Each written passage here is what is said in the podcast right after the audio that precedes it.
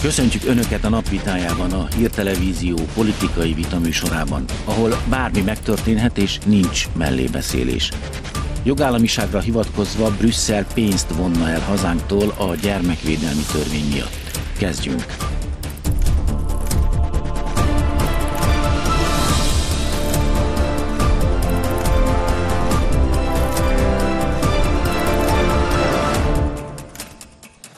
Ez a csörte, a napvitája. Mai vendégeink. Szalai Szabolcs az ATV.hu újságírója, aki szerint az Európai Bíróság döntésének semmi köze a gyermekvédelmi törvényhez. Csizmadia Tamás közíró, aki azt mondja, az Európai Bíróság régóta politikai célok mentén ítélkezik. Aki a vitát ma vezeti, Pindrok Tamás. Jó estét kívánok, jó estét kívánok az uraknak. Jó estét kívánok. A gyermekvédelmi törvény miatt folytat hadjáratot Magyarország ellen Brüsszel. Ezt maguk az uniós bürokraták ismerték el korábban. Az Európai Bíróság ítélete most lehetőséget teremtett, hogy jogállamisági eljárásra hivatkozva megvonhassák hazánktól azt a helyreállítási alapot, amelyet közös befizetéseikből a járványkezeléshez kaptak a tagállamok. Itt van velünk Skype kapcsolaton keresztül Szikra Levente, az Alapjogokért Központ elemzője. Jó estét kívánok! Mi az a jogállamiság, amire hivatkoznak? Definiáljuk már ezt. Jó estét kívánok! Valóban így a jogállamiság az elmúlt években folyamatosan a politikai napirend részét képzi, és, és újra és újra erről hallunk, de ritkán esik szó arról, hogy egészen pontosan ez mit jelent.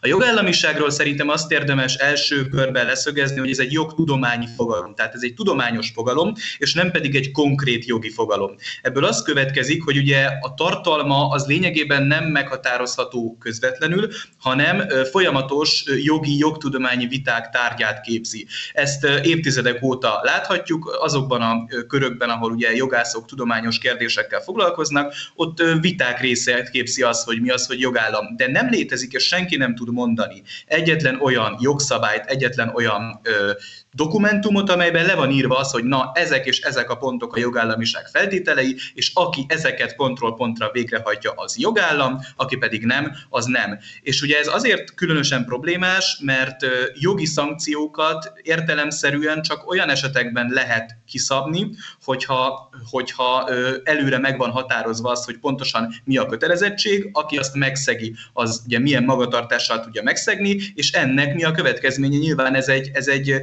előfeltétele annak, hogy egy jogi szankciót alkalmazni lehessen. Tehát a jogállamiságnak a tartalmáról természetesen tudunk beszélni, csak ez nem egy ilyen konkrét, nem egy számon kérhető dolog, és a, hogyha tovább bontanám alfogalmakra, hogy milyen elemek tartoznak a jogállamiságba, például a jogbiztonság vagy az előreláthatóság, akkor azért ezeknek a tartalmáról is elvitatkozgathatnánk egy ideig. Akkor ezek szerint ez egy ilyen gumi jogszabály, hogy mindenre rá lehet húzni, lehet vele tagállamokat támadni, vagy pénzmegvonásra lehet őket büntetni. Valóban pontosan erről van szó, tehát megtalálta az Európai Unió vezetése azt a fogalmat, amelyre folyamatosan már-már mantraszerűen tudnak hivatkozni, ez a jogállamiság, csak az a probléma, hogy ugye minden egyes tagállamnak megvan a saját jogrendszere, államberendezkedése, hagyományai, és minden egyes tagállamban ezért egy kicsit másképpen vannak szabályozva a különböző kérdések, amelyek aztán a jogállamisághoz is ilyen-olyan módon kapcsolódnak. Tehát az a politikai jellegű hadjárat és politikai jellegű boszorkányüldözés, amely Magyarország és Lengyelország ellen zajlik, az azért is értelmetlen, mert hogyha megnéznénk az Európai Unió 27 tagállamát, akkor mindenhol tudnánk olyanokat találni, amelybe ilyen-olyan alapon bele lehet kötni, és mindenhol pedig találunk olyanokat, amelyek jobb gyakorlatok vagy jobb szabályozások, mint másik tagállamban. Tehát nagyon különbözőek a tagállamok ebből a szempontból, mindenhol másképpen néz ki a jogrendszer, és nem lehet egy objektív feltételrendszert felállítani, hogy mondjuk Németország az, az jogállam, Magyarország meg nem, hiszen nincs egy olyan kritériumrendszer, amely alapján ezt el tudnánk dönteni, hogy ez így van-e vagy nem. Szijjártó Péter külügyminiszter feltette a Facebook oldalára az hirdetést, ami hát elég furcsa volt, mert a bíró fonetikusan felolvasta magyarul, bizonyára nem beszél magyarul ez a bíró. Mit szólt hozzá, milyen ez, milyen, milyen eljárás ez? Kicsit furcsa volt.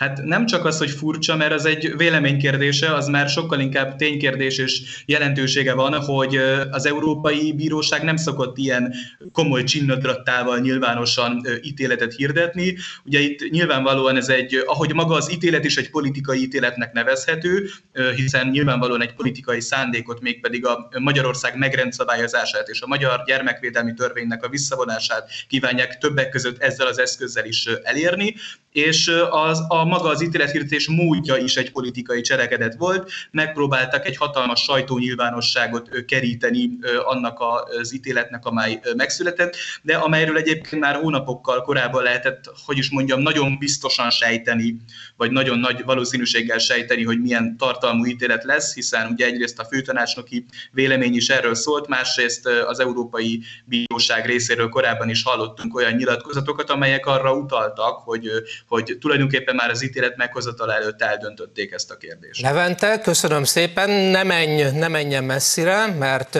itt lesz velünk, és még kérdést is kap majd az ügyben. Na hát láttuk az ítélet hirdetést, ami már előre megvolt, egy hónapja tudtuk elég, elég számomra furcsa. Számotokra?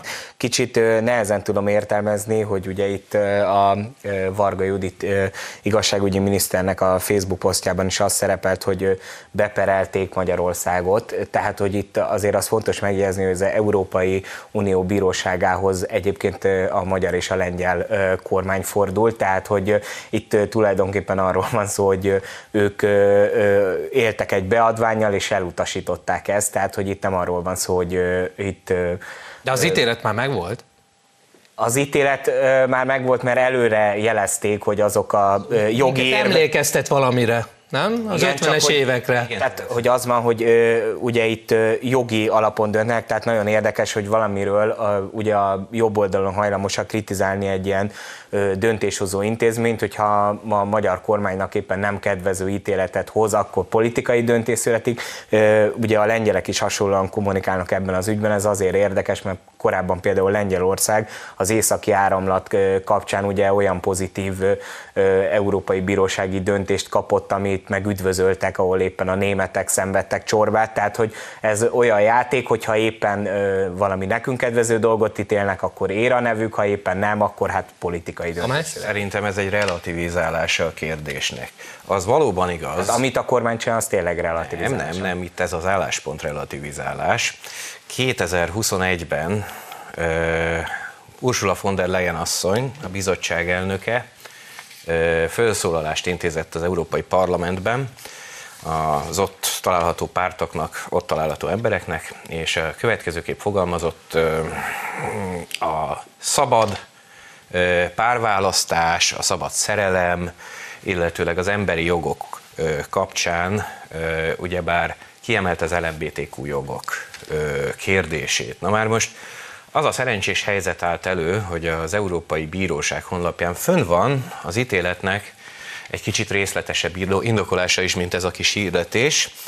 És hát ugye a második paragrafusra hivatkozott, illetve a második szerződési cikkre hivatkozott Ursula von der Leyen, és valamilyen oknál fogva pont a bíróság ítélet indokolásában a második ö, szakaszra hivatkozik a bíróság is amelyben kiemeli, egyébként igaz, hogy lábjegyzetben azt nem olvasták föl, hogy az emberi jogok, az emberi alapjogok, illetőleg az ebbe beleérthető egyéb jogokra is hivatkoznak, tehát gyakorlatilag az Európai Bíróság, amely egyébként hozzáteszem ténylegesen Luxemburgban van, amúgy valóban ugyanezt az álláspontot nagyjából megerősíti. Hozzáteszem egyébként valahol 1960 óta ezt csinálja az Európai Bíróság a Costa NL ügy, vagy például a Van Henen Laws ügy óta mindig az európai jogalkotás és az európai idea, ha szabad így nevezni. Ugye mit jelent ez az idea? Itt most például az LMBTQ jogok elismerését jelentette éppen, de ugye az európai idea erősödését, a kohézió erősödése felé irányul az Európai Bíróságnak a gyakorlata. Nem, nem egy erős vád, szerintem egy európai intézmény. Bocsánat, Leventét meg szeretném szólítani, mert szóba került, hogy politikai döntése, tehát a politika jogszolgáló leánya? Levente, hogy lehet ezt értelmezni, ezt a döntést? Az Európai Bíróság esetében szerintem nyugodtan kijelenthető ez a mondat, hiszen a bíróság részéről valóban nagyon régóta látunk arra vonatkozó törekvéseket, hogy az európai hatásköröket átírják, anélkül, hogy erre ugye a jogszabályi döntés, illetve jogalkotási döntés megszületett volna. Tehát lényegében arról van szó, hogy ugye az Európai Unión belül nyilvánvalóan elkülönülnek a nemzetállami hatáskörbe tartozó kérdések és az Európai Uniós intézmények. Levente, konkrétan itt most a gyermekvédelmi törvény miatt született egy ilyen döntés? Ki, kijelenthető Ugye a tágabb kontextus az, amit elkezdtem mondani a hatáskörök kapcsán, és a közvetlenebb kontextus az ugye valóban az a gyermekvédelmi törvény, illetve ugye végigvezethető egy vonal, hogy Magyarország már évek óta a migrációtól elkezdve nagyon sok kérdésben szembe ment az Európai Unió akaratával, és ezt többször jogi úton próbálták az Európai Bíróság segítségével megtorolni. Most valóban a gyermekvédelmi törvény a legaktuálisabb dolog, tehát itt is arról van szó, hogy Magyarország kiáll a, a gyermekek védelme, illetve a szülőknek a gyermekneveléshez való joga mellett, ami egyébként az Európai Unió alapjogi kartájában és a magyar alaptörvényben is benne van, és ráadásul az, hogy az oktatásban, illetve a családpolitikában milyen döntéseket hoz Magyarország, az a saját hatáskörébe tartozik, hiszen az oktatáspolitika és a családpolitika, ezek nemzetállami hatáskörök. És főleg, hogyha egy népszavazás, bocsánat, főleg, hogyha egy népszavazás lesz a gyermekvédelmi törvényről, ez mennyire fogja befolyásolni mondjuk ezt az ítéletet, annak eredményessége? Tehát a népszavazás alapvetően egy nagyon fontos demokratikus politikai eszköz lesz, amely tulajdonképpen úgy lehet fogalmazni, hogy egy hatalmas felkiáltójelet fog az Európai Unió különböző intézményeinek, illetve föderalista vezetőinek a, az orra elé tolni. Tehát arról lesz szó, hogy a magyar nemzet, a magyar állampolgárok többsége, amennyiben a nemek győzelmével zárul majd a népszavazás, akkor az azt lehet majd mondani, hogy a, a magyar emberek többsége támogatja azt az országgyűlési döntést, illetve kormányzati célkitűzést is, amely a gyermek gyermekek védelméről szól, és nyilvánvalóan, ahogy a migrációs kvóta kapcsán is nagy befolyást gyakorolta a kvótának az elutasítására, vagy a kvóta eltolására az, hogy akkoriban egy népszavazás Magyarországon ezt elutasította, ugyanilyen módon a gyermekvédelmi törvénynek a megvédésére is alkalmas lehet az eszköz. Tehát, hogyha valaki Magyarországon úgy gondolja, hogy a gyermekek védelme az fontos, illetve hogy a szülő döntheti el azt, hogy milyen értékrendszer és milyen milyen elvek mentén neveli a gyermekét, akkor, akkor a gyermekvédelmi népszavazás itt lehetőségként rendelkezésre áll, és ha valaki elmegy és nem szavaz, akkor ezt az álláspontot erősíti, amit nyilvánvalóan, hogyha kellő számú szavazat érkezik a nem mellé, akkor Brüsszelben és Luxemburgban nem nagyon tudnak figyelmen kívül hagyni. Köszönjük szépen. Na szóval a gyermekvédelmi népszavazás mennyire befolyásolja majd ezt az ítéletet, vagy az unió irányát majd? Szerintem az elemző úrnak sem sikerült azt az önellentmondást itt semmilyen szinten feloldania, hogy akkor a magyar és a lengyel kormány miért fordult ehhez az uniós döntéshozatali fórumhoz, vagy miért fordult jogorvoslatére ez a fórumhoz, hogyha itt politikai döntése számítottak, tehát ezt a részét már nem értem, ahogy az sem, hogy a gyermekvédelmi népszav, tehát a gyermekvédelmi törvényről szóló népszavazásnak mi köze van az Európai Bíróság döntéséhez, ezt nem teljesen értem, hiszen az Európai Bíróság döntése az arról szól, hogy azokban az országokban, ahol egyébként az Európai Uniós forrásokat szabálytalanul, nem átlátható módon költik el, vagy olyan tevékenységet És ez csak Magyarország el, és Lengyelország. Amivel, én nem ezt mondtam, e, ezt, ezt majd ki fogják mondani a megfelelő testületek. Nagyon úgy tűnik. Csak a, itt a, hát igen, mert jelenleg ugye a magyar és a lengyel kormány fordult az Európai Bírósághoz, még egyszer megismételve, hogy ők fordultak ez a döntéshozatali fórumhoz, de most mindegy is, tehát a döntés az arról szól egyébként, hogy azok, akik szabálytalanul használják fel, nem átlátható módon használják fel ezeket az Európai Uniós támogatási forrásokat, vagy a demokrácia lebontására használják fel ezeket a forrásokat, azok pénzügyi szankcióval sújthatóak legyenek. Én, én sajnos végigolvastam ezt az indokolást, és itt a nem átlátható módon felhasznált források egy szóval se voltak megemlítve egyébként ebben az indokolásban. Itt a jogállamiságról volt szó egyrészt, másrészt pedig nem tudom, hogy nehéz-e a logikai következtetéseket levonnia abból, hogyha Ursula von der Leyen júliusban a következőt mondja, hogy a jogállamisági kritériumok között az LMBTQ jogok betartása is nagyon fontos. Majd ezek után az ítélet indokolásában ugyanígy benne van ugyanaz a paragrafus és ugyanaz a fajta értelmezés, akkor talán a kettő között én legalábbis merészelek egy logikai összefüggést hozni. Ez az egyik véleményem. A másik véleményem ezzel kapcsolatban, talán ugye a jogállamisági feltételek, illetve jogállamisági ö, kritériumrendszer kapcsán. Egy időnk. Tehát, bocsánat, tehát milyen jogállamiságról beszélünk? Az egyik helyen a köztársasági elnök örökli, őt királynak hívják a tisztségét, például, tehát az államfő, a másik helyen köztársasági elnök választás van, ez mind a kettő a jogállamiságnak Ez, minősül. ezzel fogjuk folytatni, csak lejárt az időnk, ne menjenek messzire, jövünk vissza.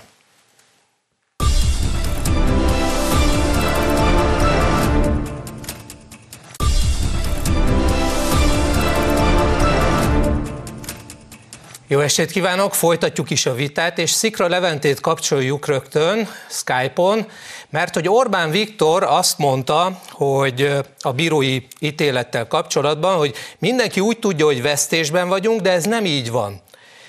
Itt nyerésben vagyunk. Mire gondol Orbán Viktor, miért vagyunk nyerésben? Ő a bírói ítélet indoklására hivatkozik. Mi ez pontosan, Levente?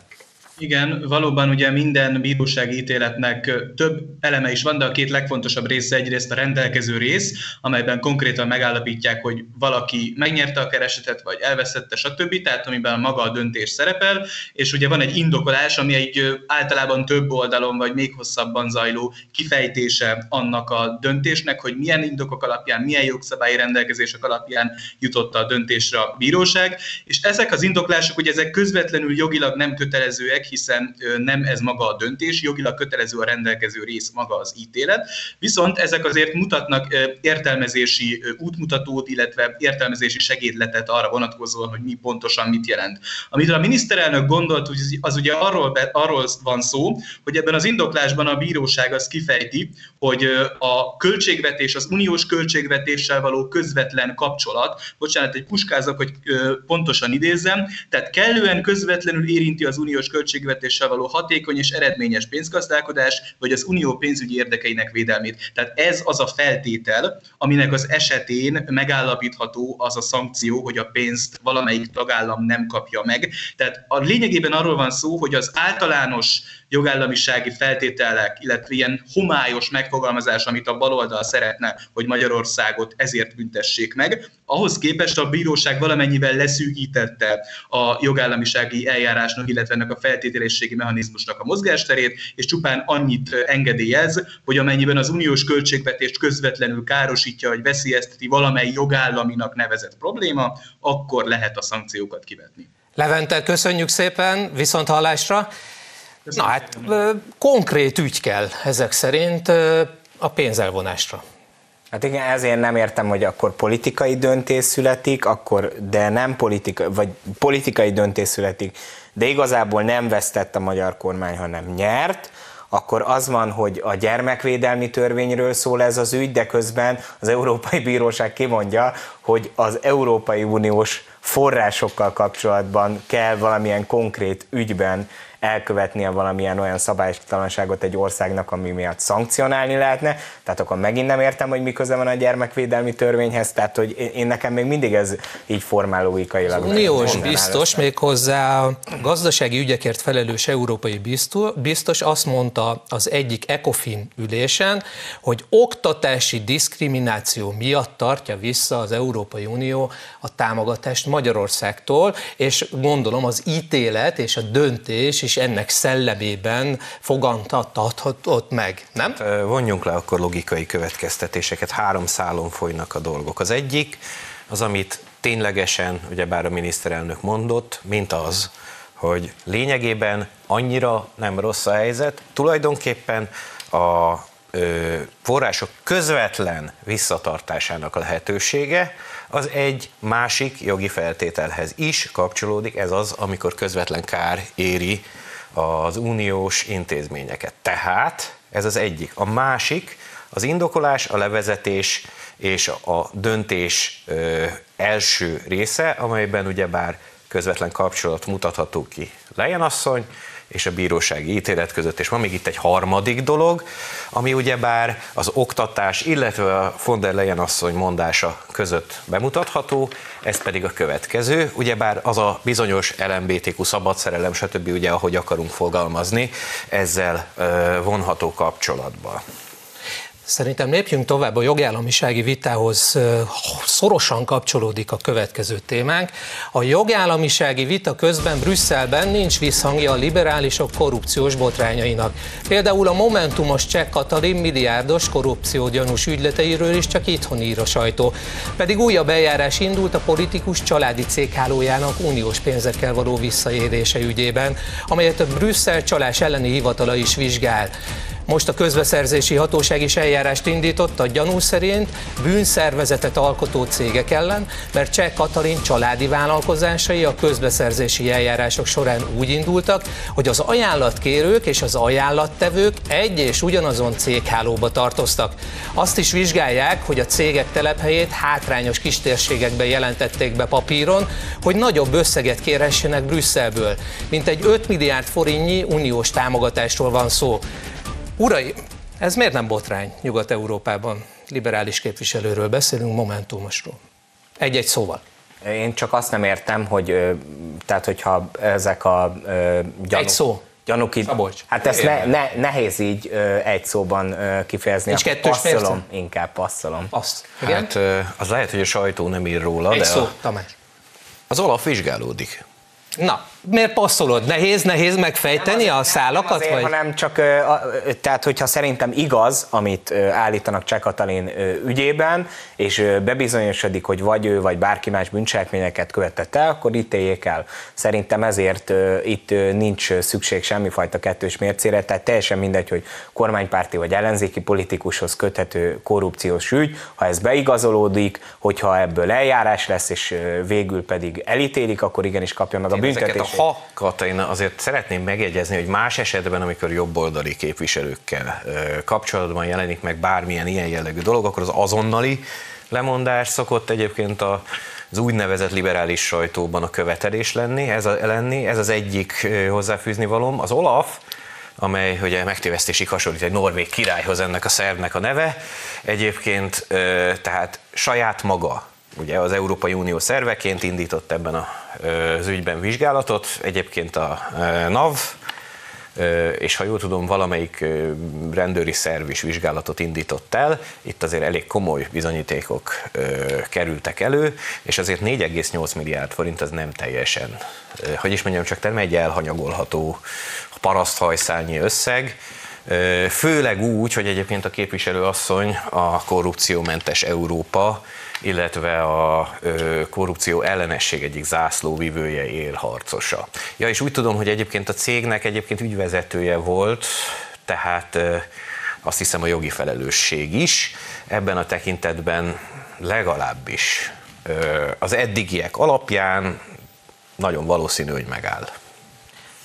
Ez ki fog derülni, meg fogjuk látni. Szerintem abban az esetben, hogyha itt tényleg van bármifajta konkrétum, akkor annak a súlyos politikai és jogi következményeit is viselni kell mind az ellenzéknek úgy összességében, és mind Cseh Katalinnak személyesen. Én csak azt arra próbálom felhívni a figyelmet, hogy a kettős mércét azt ott gondolom, hogy miközben megértem, hogy a nyugati sajtónak egy jelentős része sem foglalkozik Cseh ügyével, azért azt hozzátenném, hogy amikor az Olaf mondjuk a miniszterelnök vejének ügyében vizsgálódott, akkor egy gittegyletnek volt nevezve az Olaf, meg mindenfajta politikai leszámolás áldozata volt a Orbán és környéke. Tehát nem teljesen értem, hogy hogy van az, hogyha egy ilyen vizsgálat van, akkor megértem, hogy ameddig semmilyen bizonyíték nincs, akkor abban az, abban az ügyben nem lehet, vagy nem érdemes politikai következményeket levonni, tehát ez teljesen természetes, hogy a politikai ellenfelek lemondásra szólítják fel a másik felet, ezt a Fidesz is megteheti Cseh Katalin esetében, aztán, hogyha nem bizonyosodik be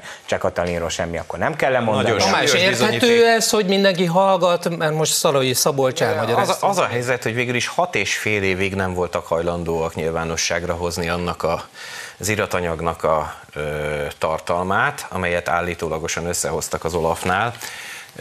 Na már most ugyebár Ilyenkor fölmerül a kérdés, hogy bár mindig a magyar hatóságokat szokták egyébként a titkolózásra vádolni, hogy vajon nem gondolhatjuk-e az Olafnak bizonyos vizsgálatairól azt, hogy az is politikailag befolyásolt, hiszen akkor liberális vezetése volt az Olafnak, és emellett pedig a bizonyítékokat hatos, bár, bocsánat, 2022 7, 7 vagy 8 évig nem sikerült nyilvánosságra hozni. Maradjunk ennél a téma halmaznál, Ceglédi Csaba ügyeiről. Az ellenzék képviselőjelöltjei között találjuk Gyurcsány Ferenc ügyvédjét, Ceglédi Csabát is, akit 2003-ban még a megyesi kormány alatt jogerősen egy év négy hónap felfüggesztett börtönbüntetésre ítélt a bíróság több rendbeli adócsalás és okirathamisítás miatt.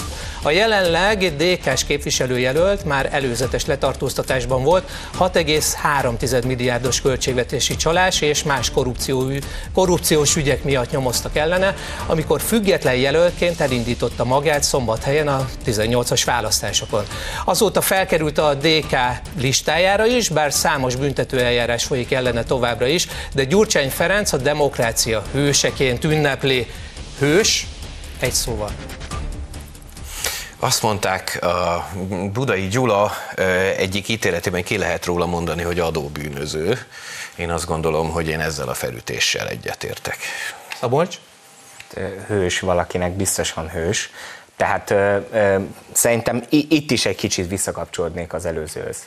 Tehát itt mindig az a probléma, hogy amikor politikusok ellen zajlanak eljárások, és hogyha éppen kormányoldali szereplőkről van szó, akkor mindig az a kormánypárti érv hangzik el, hogy itt nem zárultak le még, nincs bírósági ítélet, a, a, hát itt van az, ártatlanság, hát, ugye. az ártatlanság vélelme az ugye mindenkit megillet. Itt volt pár bírósági ítélet. Tehát, igen, itt, itt, itt nagyon régi ügyekről van Másik szó. Ügyben. Itt nagyon régi ügyekről van szó, és arra is szeretném felhívni a figyelmet, hogy ugye most arról van szó, hogy Budai Gyula állítólagosan valamilyen pert nyert volna a Ceglédi ügyben. Itt ugye egyébként Budai Gyulát egy másik ügyben pedig éppen elkaszálták a Pesti Központi Kerületi Bíróság azt hiszem, hogy valamilyen ügyben éppen Budai Gyula ellen ítélt.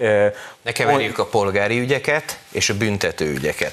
Tehát a helyzet a következő a polgári ügyekben, hogyha valaki úgymond egy polgári sérelmet szenved, az egy polgári ügy. A másik ügy, büntető ügy, amely egy büntető paragrafusba ütközik, és az állam büntető hatalmának, illetve az ügyészségnek az álláspontja is úgy tűnik, hogy ezzel kapcsolatos. Igen, csak akkor érdemes tisztázni a konkrét ügyet, hogy Budai Gyula ugye nem nyert valójában semmit Kunhalmi Ágnessel szemben, hiszen miről is van szó. Az, Bocsánat, hogy... Kunhalmi Ágnessel szemben ez egy érdekes kérdés. Budai Gyuláról, hanem Ceglédi, Ceglédi Csabáról, Csabáról Igen, van hát szó. Hát ez a Ceglédi ugye... Csaba ügyhöz szorosan kapcsolódik, hiszen arról van szó, hogy Budai Gyula most éppen azzal sztároltatja magát, hogy valamilyen pert nyert meg a Ceglédi ügyben Kunhalmi Ágnessel szemben, hiszen Kunhalmi Ágnes feljelentette egyébként ugye Budai Jula Fideszes képviselőt amiatt, mert Budai azt állította egyébként itt a hírtelevízióban, hogy, hogy Ceglédi Csaba valamilyen titkos kampánypénzeket adott volna van, és ezt Budai Gyula az MSZP-nek. következőt mondhatja innentől kezdve az ítélet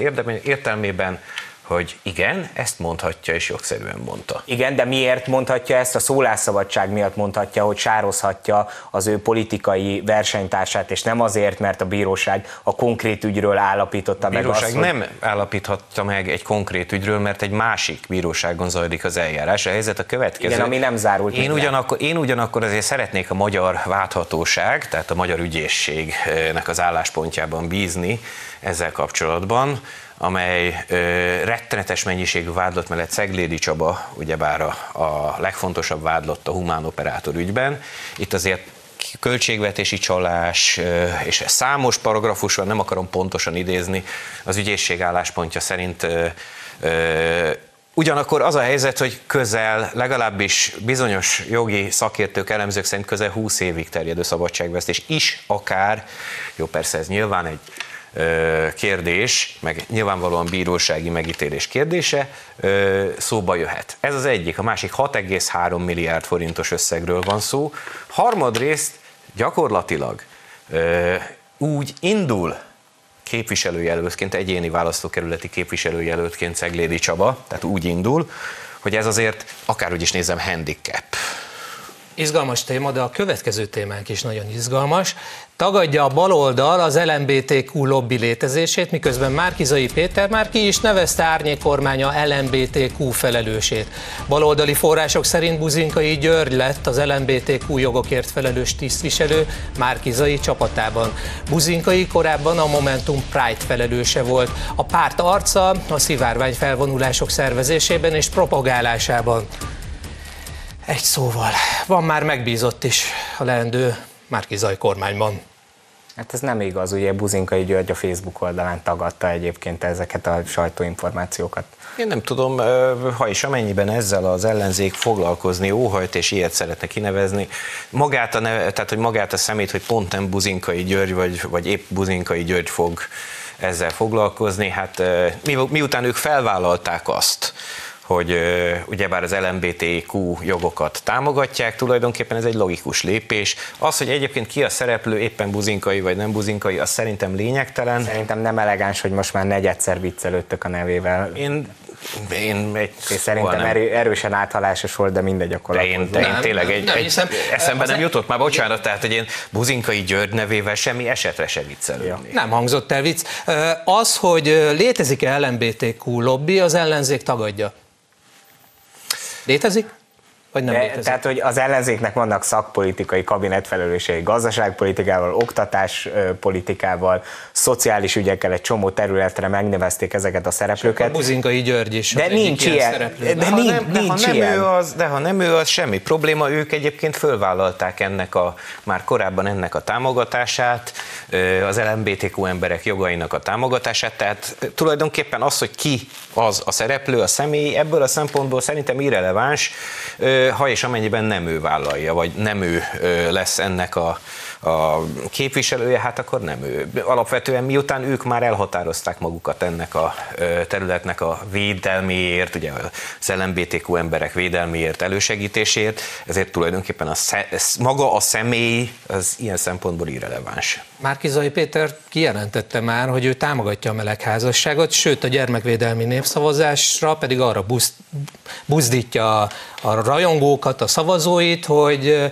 ne szavazzanak. Ő össze fogja tépni az éveket, már nem, is a, nem a, a, a mellett buzdítja őket, hogy érvénytelenül szavazzanak, mert szerint a kérdésfelvetés is nevetséges. Mi az érvénytelenség? A, gyermek... a széttépés, vagy, vagy milyen? Hát például, hogyha az igen meg a nemet is behúzod, akkor például érvénytelenül Nem ezt mondta. De, most... de, ezt, de ezt mondta, én, én megnézem az ezzel kapcsolatos konkrét kijelentését, hogy sem, az sem igaz, hogy Márkizai Péter egyébként támogatná ezt a, a például a melegházasságot, ő azt mondta el magáról, hogy keresztény, konzervatív, jobboldali, hétgyermekes, vagy hatgyermekes, éppen mikor sikerül ugye meg kikalkulálni, hogy éppen hány gyermeke van, de ez most részemről se volt elegáns, hogy ezzel viccelődtem. Tehát ő elmondta, hogy konzervatív, családos, heteroszexuális emberként ő neki az a személyes meggyőződése, hogy ő nem támogatja a melegházasságot, de mivel az ellenzék közös miniszterelnök jelöltje, éppen ezért azt mondta, hogy ezt a kérdést rábízza a pártokra, rábízza a választópolgárokra, rábízza a széleskörű döntéshozatára, és nem ő egy személyben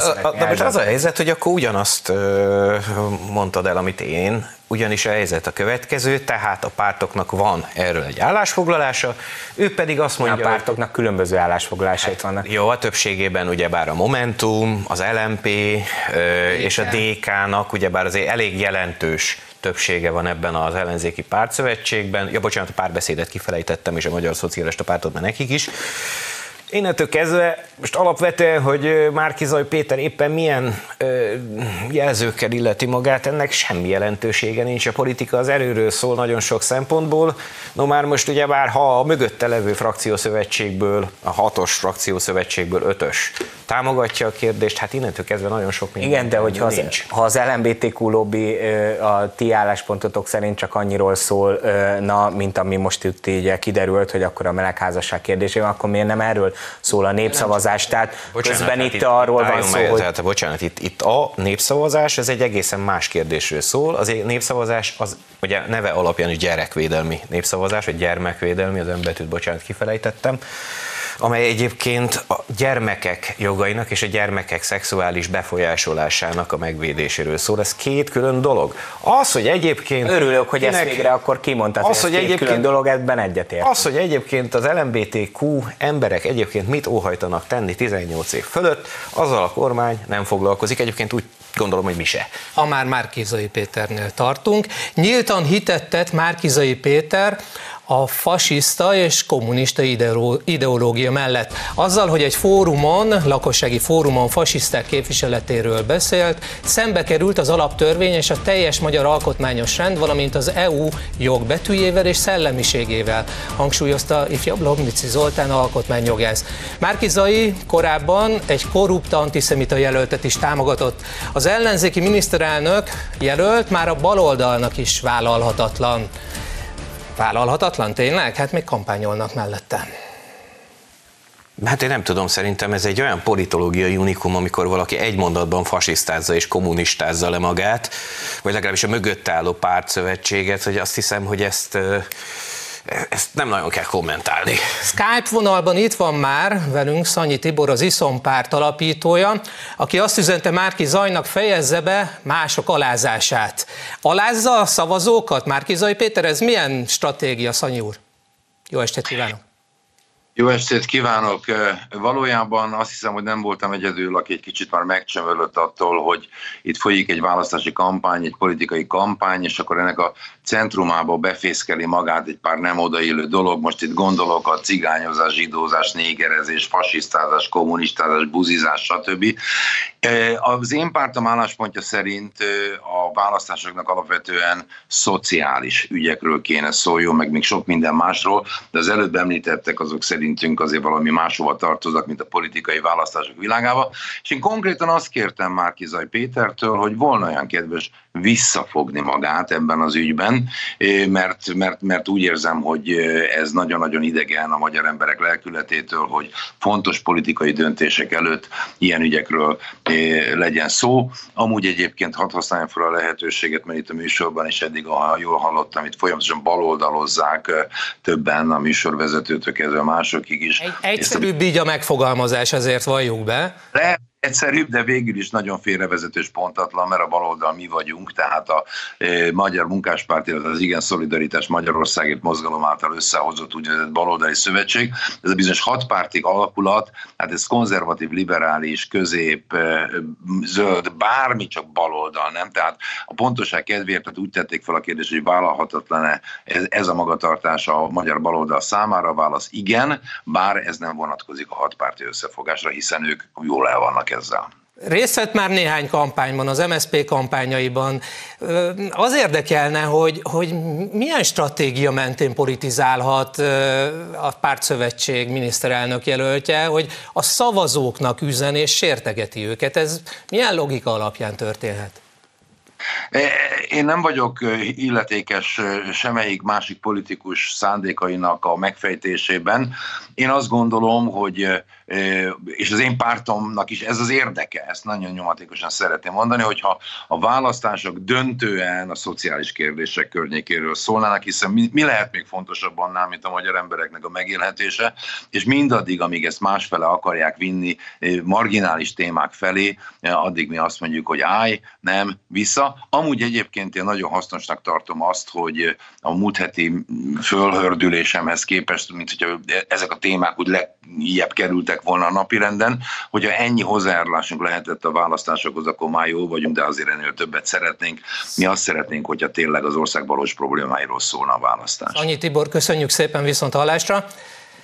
Na uraim, én még mindig arra vagyok kíváncsi, hogy milyen stratégia alapján indulhat Márkizai Péter a küzdelembe, a csatába, hogy sértegeti a szavazókat. Ugye itt Márkizai Péter pont emiatt a múlt heti kijelentése miatt aztán exkuzálta magát, és azt mondta, hogy valójában ezt a Fideszre értette. Most ezt nyilván eldönthetik, ha nézzük meg mi mindannyian a stúdióban, hogy mennyire hisszük el az ellenzék miniszterelnök jelöltjének azt, hogy itt egy botlásról volt szó. Minden esetre hogyha botlás is volt. Szerencsétlen kijelentés volt, és hát nem ez az első tőle, tehát elég sokat hibázik a kampányban. Az ennek ellenére én akkor is tartózkodnék április harmadikáig attól, hogy minősítsem ilyen szempontból Márkizai Péter, mert én továbbra is tartom magamat ahhoz, hogy ez egy fekete ló ilyen szempontból a politikában, tehát nem tudni, hogy azok, amik, azok a mondatok, azok a kijelentések, amik mondjuk sokunk, akár az én fülemet is néha sértik, arra nem tudom, hogy a választópolgárok hogyan rezonálnak, tehát pont néhány órával ezelőtt jelent meg egy közölménykutatás Publikus Intézettől, ami kimutatta, hogy 34-32-re vezet az ellenzéki összefogás a fidesz szemben.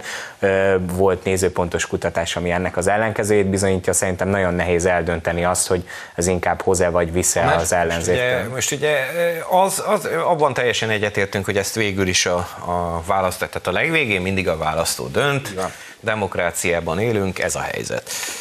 Ugyanakkor azt azért egyszerűen nem bírom ki nem megemlíteni azt, hogy gyakorlatilag az elmúlt időszakban, akár egyébként bármilyen úgynevezett jobboldali politikussal szemben, amikor bármilyen akár csak egy picit félreérthető mondata is elhangzott, akkor utána gyakorlatilag végig söpört akár a világ sajtóig az elítélő hang. Ez rendszerint még akár a New York Times-ig is eljutott, és hát egy emberként kiáltott fasizmust az úgynevezett baloldali sajtó. Na most ugye a helyzet az, hogy azért a, a magyar választópolgárok nyilván döntenek, ahogy döntenek, ezt ugye bízzuk rájuk, de azért ezt a, hogy is mondjam csak, tehát ezt az úgynevezett baloldali, vagy úgynevezett független sajtóbeli felháborodást azért fájóan hiányolom. Azért ezeket az elítélő szavakat, ezeket bizony megszokta tenni az a sajtó, amelyik ebben az esetben, hát azt kell, hogy mondjam, hogy mint az a bizonyos a fűben De úgy viselkedik. Szerintem akkor más mozit nézünk, tehát hogy én rendszeresen látom az olyan kommenteket, amik pont egyébként a kormánytól független sajtót amiatt kritizálják, tehát ellenzéki érzelmű szavazópolgárok még a nem tudom én különböző kormánykritikus sajtótermékeket is kiosztják amiatt, hogy mennyire kemények sokszor a minisztere, az ellenzéki miniszterelnök jelölt szemben. Tehát én azt, azt gondolom, hogy ezt a feladatot ezen az oldalon azért bőven elvégzik a munkatársaim, hogy én sem dicsértem meg Márkizai Pétert az ilyen kijelentései miatt, csak azt gondolom, hogy mint ahogy ezekből a reakciókból is kiderül, van az ellenzéknek egy törzsmagja, akire ez különösebb hatással nincsen. Ilyen szempontból visszakapcsolatunk a korrupciós ügyekhez, tehát az van, hogy a, a kormányoldai korrupció az nem zavarja a fideszeseket, az ellenzék igen. Ugyanez Pepitában a másik oldalon is megvan, ami szerintem egy Egyébként ez egy súlyos probléma, hogy... De nem csak kommunistázik, ugye, fasisztázik, hanem hát ilyen rasszista gyanús ugye, kijelentéseket ugye azért, is tesz. Azért... Michael Jackson fehér nőként halt meg, fekete kisfiúként kezdte, Ray Charles-szal, vakokkal... Bár erre van egy rossz indulatú megjegyzésem, hogy ha szerintem még sok ilyet mond Márkizai Péter, akkor lehet, hogy szimpatikus lesz azért a Fidesz törzsmagjának. No, hát tehát... most azért, azért ez, ez szerintem a Fidesz törzsmagjának nem tartok én ettől, hogy szimpatikus lenne, szimpatikus lenne, tehát hogy én ezzel nem értek egyet. Ugyanakkor egy dolgot azért jegyezzünk meg.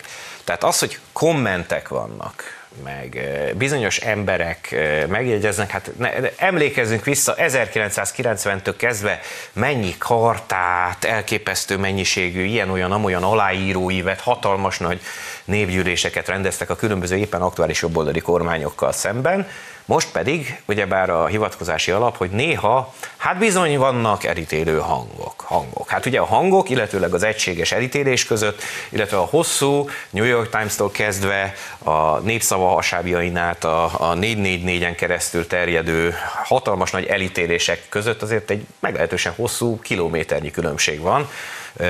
Az, hogy egyébként egyes személyek valóban hallatják a hangukat kommentekben, azért ez nem egészen ugyanaz, mint hogy, mint hogy egy elítélő nyilatkozatot fogad el, mondjuk az úgynevezett baloldali liberális értelme. Uraim, sajnos lejárt az időnk, én még folytatnám, de nincs idő. Most pedig a vezércikk következik M. Kovács Robertel. Szia Robi, kikkel kezditek a hetet, és milyen cikkeket boncolgattok ma este?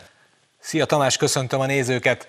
Deák Dániellel, Fritz Tamással és ifjabb Lomnici Zoltánnal várunk ma minden érdeklődőt, és persze izgalmas írásokkal. Többek között beszélünk arról, hogy Márkizai nem csak a mérések szerint bizonytalanítja el támogatóit, de erre utal az is, hogy gazdaságpolitikai tanácsadója már kiszállt a kampányból.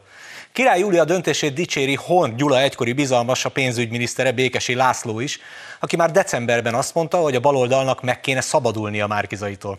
Ezzel alig fogunk tudni vitatkozni. Hamarosan érkezünk a nap vezércikkeivel. Köszönöm szépen, a nézőknek is köszönöm a figyelmet, viszontlátásra!